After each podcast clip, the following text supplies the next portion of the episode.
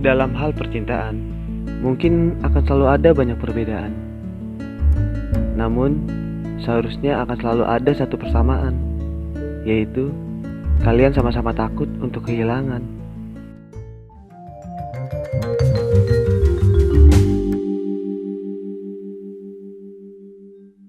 Assalamualaikum, selamat datang di Kalimat Singgah. Halo sobat, apa kabar? Semoga kalian semua tetap dan selalu baik-baik saja ya, walaupun sering diperlakukan tidak baik. Amin. Um, Oke, okay. dalam podcast kali ini nih, gue mau berbagi sebuah cerita dari sobat kita ya, seorang wanita. Hmm, kita sebut saja dia namanya Tia, sebuah nama samaran ya itu. Jadi di ceritanya ini diceritakan katanya si Tia ini ketemu sama cowok ini waktu dia lagi nongkrong sendirian di sebuah kedai kopi. Jadi dia disamperin sama cowok anonim ini nih yang cowok random ini disamperin duduklah tuh cowoknya biasalah basa-basi ya itu. Udah gitu ngobrol lah berdua ngobrol-ngobrol ternyata cocok gitu kata si Tia ini kayak klop gitu ngobrol-ngobrol. Nah terus setelah obrolannya lebih jauh dan setelah mereka saling kenal lebih jauh bahkan sampai si Tia ini mulai merasakan ya ada rasa yang berbeda gitu buat si cowok ini. Itu dia sadar bahwa ternyata mereka harus bisa menerima kenyataan. Ada sebuah kenyataan di antara mereka yaitu ada sebuah tembok besar gitu di antara mereka yang itu tuh susah buat dihancurin. Ya terus setelah melewati banyak perdebatan di antara mereka nih akhirnya mereka berdua tuh ya udah seakan dipaksa buat berjabat tangan aja sama perbedaan itu Eh tapi kalau gue pikir-pikir ini ceritanya fiksi. Ini ini ini cerita ini mirip banget gitu ala-ala FTV gitu. Cerita-cerita sinetron alay gitu. Sumpah deh kalau lu sering nonton sinetron lu mungkin bakal mikir oh iya juga. Jadi si tokoh utamanya ini nongkrong di kedai kopi terus ada yang nyamperin terus ngobrol tuh berdua deket terus pas mau balik hujan nggak bawa payung terus bla bla bla bla bla. Bah sumpah fix banget deh lu. Oke deh langsung aja. Jangan kebanyakan bacot ya. Kita simak sama-sama cerita dari dia berpisah untuk kebaikan bersama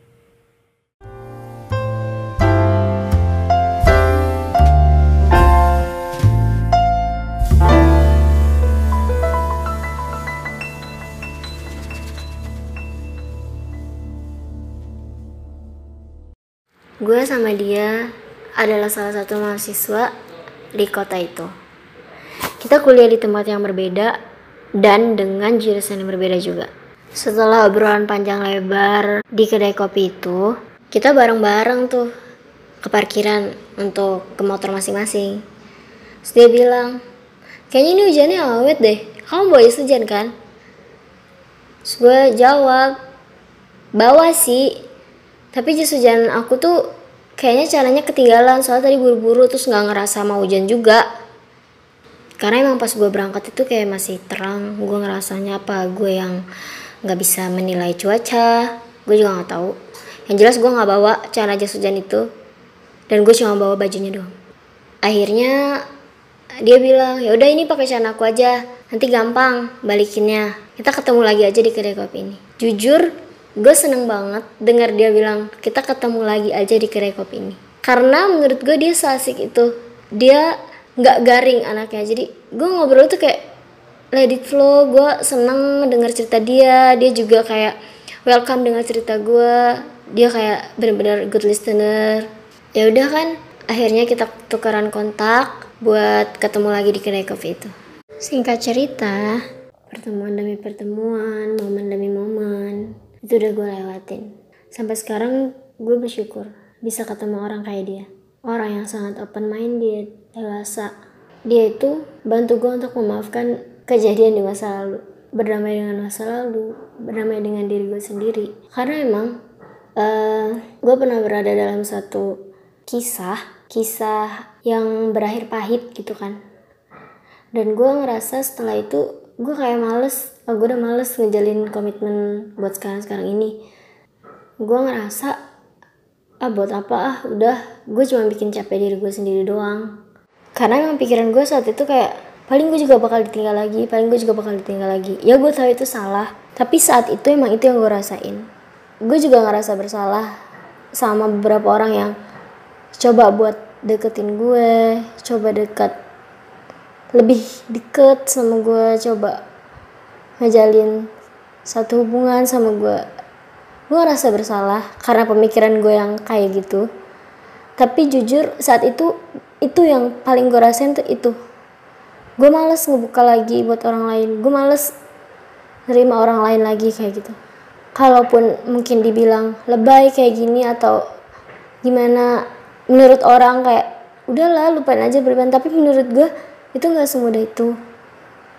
Karena saat itu gue dalam fase bahagia aja sayang sama orang. Ya tanpa gue sadarin gue nggak tahu seberapa sayang dia sama gue. Sampai itu ke bawah-bawah ke kenyataan yang harus gue terima. Sampai itu bisa berdampak sama orang yang mau deketin gue. Gue tuh ngerasa bersalah. Ngerasa bersalah dalam hal ya mungkin gue nyanyain perasaan orang lain tapi entah kenapa memang saat itu tuh itu yang gue rasain. Dan pada akhirnya nggak tahu kenapa gue dikasih jalan ketemu sama dia malam itu sambil ngerjain tugas yang ternyata pertemuan gue sama dia itu berakhir menyenangkan. Jadi gue lebih terbuka untuk cerita sama orang lain. Karena jujur gue nggak tahu kenapa tapi kalau dia itu dia itu bisa ngebikin orang lain tuh cerita sama dia tuh tanpa sadar gue juga nggak tahu kenapa. Tapi emang senyaman itu untuk ngobrol sharing gitu sama dia. Nggak kayak nggak takut. Maksudnya nggak orangnya asik-asik banget. Dia bilang sama gue kamu nggak bisa stuck kayak gini. Kalau kamu emang mau ngelanjutin hidup kamu bukan mau ngelanjutin kamu harus ngelanjutin hidup kamu dengan cara ya kamu harus berdamai sama masa lalu kamu. Kamu harus maafin kejadian di masa lalu kamu. Kamu harus maafin diri kamu sendiri itu yang paling penting. Kamu harus berdamai sama diri kamu sendiri. Jangan selama ini karena kesalahan kamu atau kesalahan orang lain yang ngebikin kamu sakit itu jadi bayang-bayang terus di hidup kamu karena itu nggak bagus nantinya buat kamu. Kamu nggak tahu kalau mungkin ada orang yang datang ke kamu dan dia itu orang yang jadi obat buat luka kamu.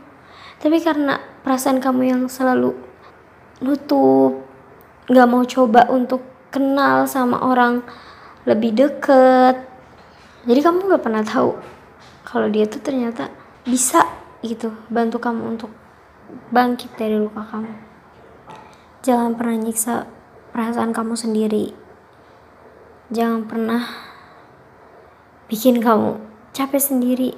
Ya kamu harus sadar kalau emang hidup itu harus tetap dilanjutin. Kita nggak boleh stuck karena masa lalu.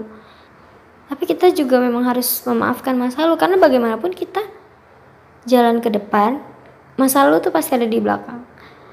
Ada momen di mana kita pasti ingat.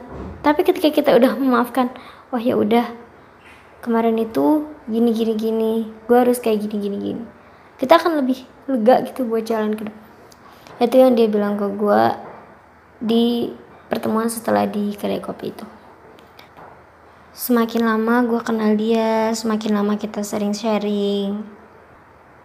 Makin lama itu gue ngerasa nggak gue sadar gue sadar kalau ternyata gue punya perasaan lebih sebagai seorang teman. Saya bukan sebagai seorang teman gitu. Mungkin kalian juga tahu perasaan kayak gitu gimana kan? Karena udah seringan jalan bareng. Ada satu momen uh, waktu itu kita lagi nyanset bareng ke salah satu pantai. Gue nanya ke dia uh, misalnya uh, ada dua orang temenan cowok cewek. Kalau salah satu suka kira-kira pertemanannya rusak nggak ya? Uh, bisa nggak ya kalau misalnya emang udah nantinya mis misalnya putus kayak gitu kita tetap jadi teman baik. Salah nggak ya kalau misalnya suka sama teman sendiri? Gue bilang kayak gitu. Karena gue pengen tahu aja sebenarnya dia tuh gimana sih ke gue atau ya gue mulainya nanya dari situ terus dia bilang nggak ada perasaan perasaan yang salah. Nggak menurut aku nggak ada perasaan yang salah kata dia ya gimana? Kalau kamu udah suka jatuh cinta itu kan di luar kemampuan kamu di luar batas kamu. Ya udah kata dia. Yang nggak bakal ngerusak tergantung individunya juga. Kalau mereka kekanak-kanakan ya bisa rusak pertemanan. Tapi kalau mereka dewasa nanggepinnya nggak kok. Walaupun mungkin awalnya agak canggung tapi kalau kelama kelamaan juga bakal asik sendiri. Tergantung kita gimana nyikapinnya. Kalau aku sih nggak masalah tadi gitu. Ngobrol-ngobrol-ngobrol terus bilang eh udah azan maghrib. Ayo aku anterin ke musola. Nanti aku tunggu di depan jagain tas kamu. Kamu sholat aja. Gue sama dia itu beda keyakinan. Iya gue beda keyakinan sama dia. Gue sadar gue beda keyakinan juga sama dia. Tapi gue nyaman. Di deket dia gue nyaman aja untuk sharing dan lain-lain terus dia pernah bilang waktu itu kalau nggak salah sih pas dia ngerayain Natal kalau nggak salah. Terus malam itu setelah dia setelah selesai acara dia dia nyempetin ketemu gue itu sebelum kita balik ke tempat kita masing-masing. Kampung halaman kita masing-masing. Dia bilang e, maaf aku harus ngomong ini baru ngomong ini sekarang sama kamu. Jujur dari sejak pertama aku ketemu sama kamu aku belum pernah ngerasa senyambung itu ngobrol sama cewek kata dia hmm, aku belum pernah ngerasa ternyata ada ya orang sasik ini aku baru aku baru ngerasain itu pas ngobrol sama kamu. Kamu setelah ini mungkin kita nggak bakal ketemu lagi atau mungkin dalam waktu yang lama akan ketemu lagi. Kamu harus jaga diri baik-baik. Dan aku harus jujur. Aku tuh sadar waktu kamu nanya di pantai. Aku sadar banget. Itu kira-kira jarak dari pantai dari kita pergi ke pantai sama itu ya kurang lebih seminggu atau dua mingguan. Dia bilang aku sadar aku sadar kalau kamu itu punya perasaan lebih ke aku. Ya aku ngerasa kata dia aku ngerasa dari sikap kamu aku ngerasa dari ya perlakuan kamu ke aku. Terus dia bilang aku ngerasain hal yang sama kok sama kamu. Nggak usah khawatir kata tapi kita nggak bisa kata dia. Mungkin kamu juga udah tahu alasannya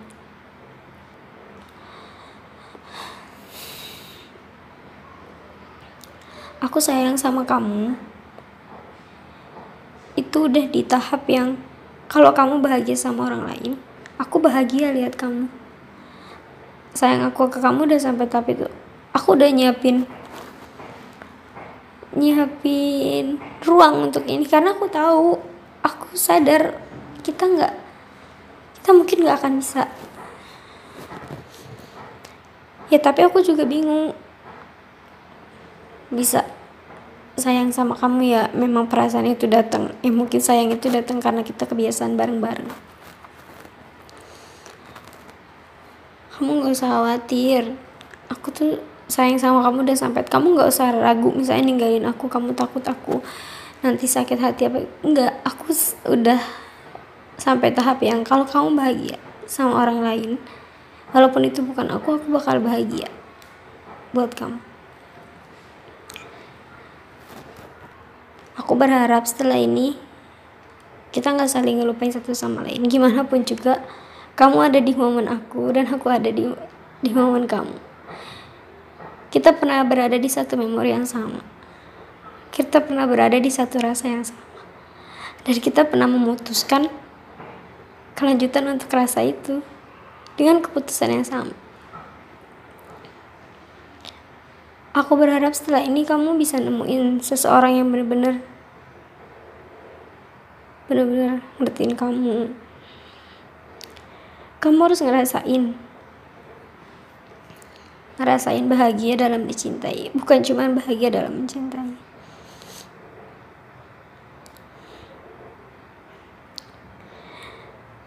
Dan aku cuma pesan ke kamu apa pun yang masalah masalah yang kamu hadapin nantinya belajar maafin diri kamu belajar maafin masa lalu kamu. Belajar maafin orang lain yang ada yang buat kesalahan di masa lalu kamu. Karena itu bakal memudahkan kamu untuk ngelangkah lagi.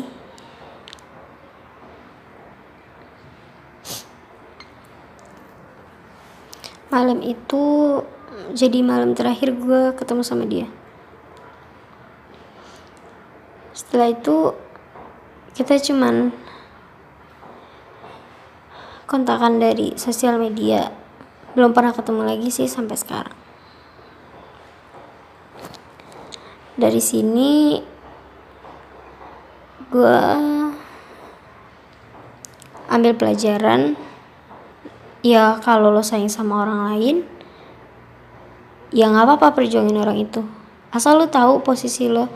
Selalu sadar sadar sampai di mana batas lo itu bisa bertahan siapa pun yang berada di hubungan kayak gini dengan beda keyakinan kalian pasti tahu kok. Kalian sebenarnya udah tahu kalau cuma ada dua pilihan di dalam hubungan itu kan? Di dalam hubungan yang kayak gini kalian jadi satu keyakinan. Atau kalian lepaskan dengan keikhlasan dua itu. Tapi kadang kita terlarut begitu larut karena rasa sayang karena rasa nyaman kita kadang ngelupain ah ya udah jalanin aja dulu ah ya udah jalanin aja dulu. Sampai pada akhirnya memang perpisahan itu akan datang. Pada akhirnya keputusan yang harus diambil ya antara dua itu memang itu kan keputusannya memang antara dua itu aja. Satu keyakinan atau kalian lepaskan. Dan untuk memutuskan menjadi satu keyakinan itu bukan sesuatu yang mudah. Untuk gue pribadi di kisah gue yang ini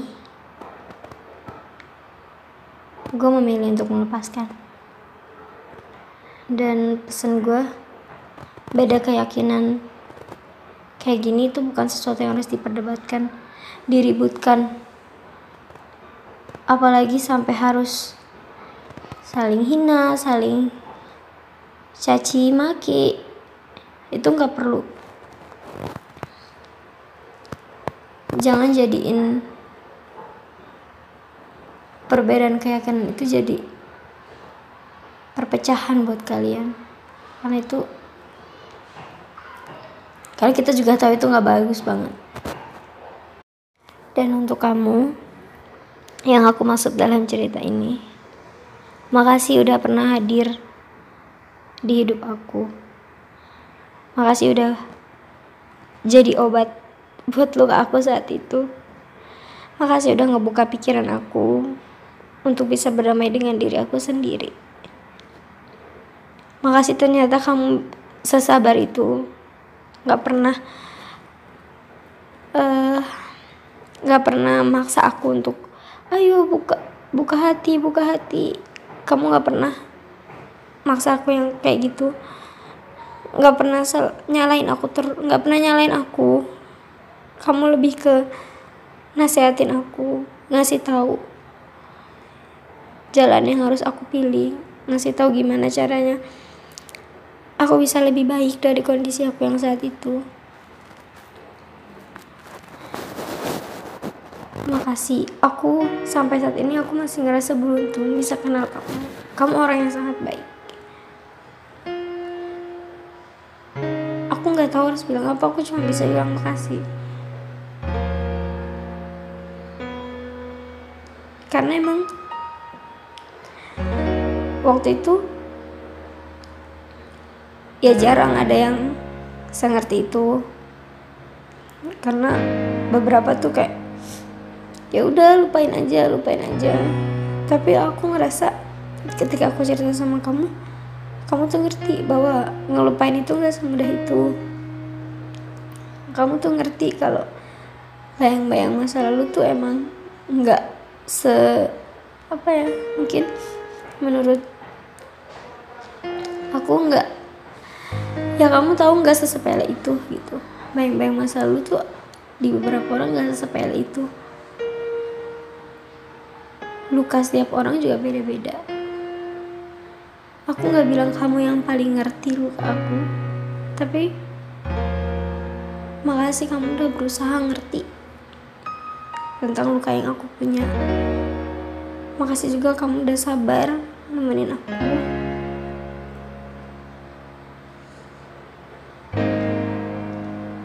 ya aku emang gak tahu lagi selain bilang makasih aku harus bilang apa. Aku berharap kamu bisa nemuin seseorang yang nantinya bikin kamu bahagia. Bisa nyambung ngobrol sama kamu. Ya kamu juga bukan orang yang apa ya bukan orang yang susah untuk diajak asik kok aku yakin siapa pun orang yang nanti sama kamu dia wanita yang beruntung. Bisa punya kamu. Mungkin kamu nggak dengerin podcast ini. Nggak tahu juga sih. Tapi aku berharap ya kamu bisa bahagia selalu. Sampai kapan pun. Karena dalam hidup ataupun mati yang kita inginin bahagia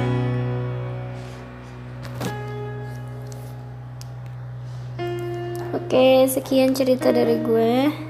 Kurang lebihnya mohon maaf dan semoga ada beberapa nilai baik yang bisa diambil dari cerita gue.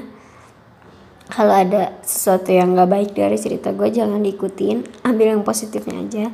Semoga ada yang positifnya. Makasih semuanya yang udah dengerin. Dan tunggu podcast-podcast selanjutnya dari Kalimat Singgah.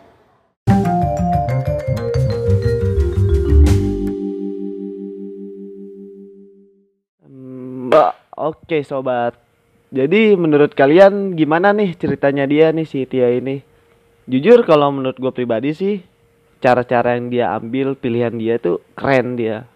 Karena Tia dan cowok itu tuh bisa mutusin akhir dari hubungan mereka yang kalau kata Tia nih ngomong ke gue dia bilang begini sih kita tuh seamin tapi nggak seiman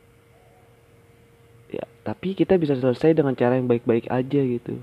Nah itu bijak gitu caranya. Keren gitu kata gue ya karena kan ya sumpama nih hubungan mereka tuh ya karena kan ya perbedaan yang mereka jalani itu tuh sumpamanya begini. Amin tetap menjadi akhir dari semoga kita dan awal dari doa kita tetap berdasarkan iman.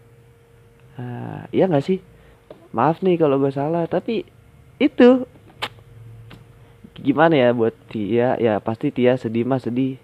Ada lah apalagi di umur yang udah matang kan yang udah 23 atau 25 gak sih sekarang tuh dia? Gue lupa umur dia berapa. Ya tapi kalau udah kayak gitu ya mau gimana gitu?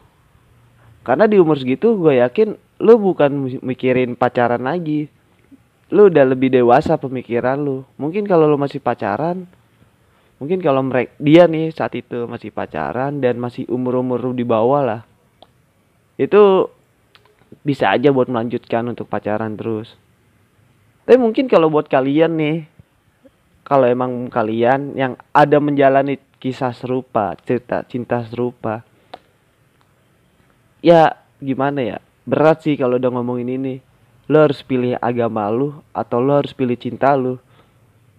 Uh, terus tapi gue juga sempat baca nih di twitter ada yang nge-tweet begini pindah agama juga nggak ngejamin dia bakal bertahan gitu.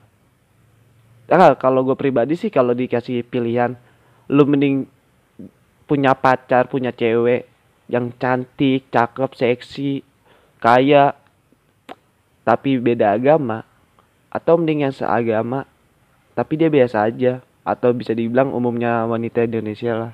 Ya gue bakal milih yang seagama tetap karena dalam pernikahan beda agama itu memang selalu menimbulkan perdebatan sih menurut gue nggak susah sih nemu titik tengahnya tuh susah pernikahan beda agama.